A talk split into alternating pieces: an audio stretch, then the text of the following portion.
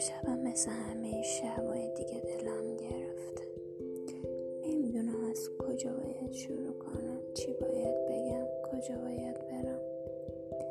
اما می‌دونم که اینجا اینجا که من رو وایسادم آخرش نیست.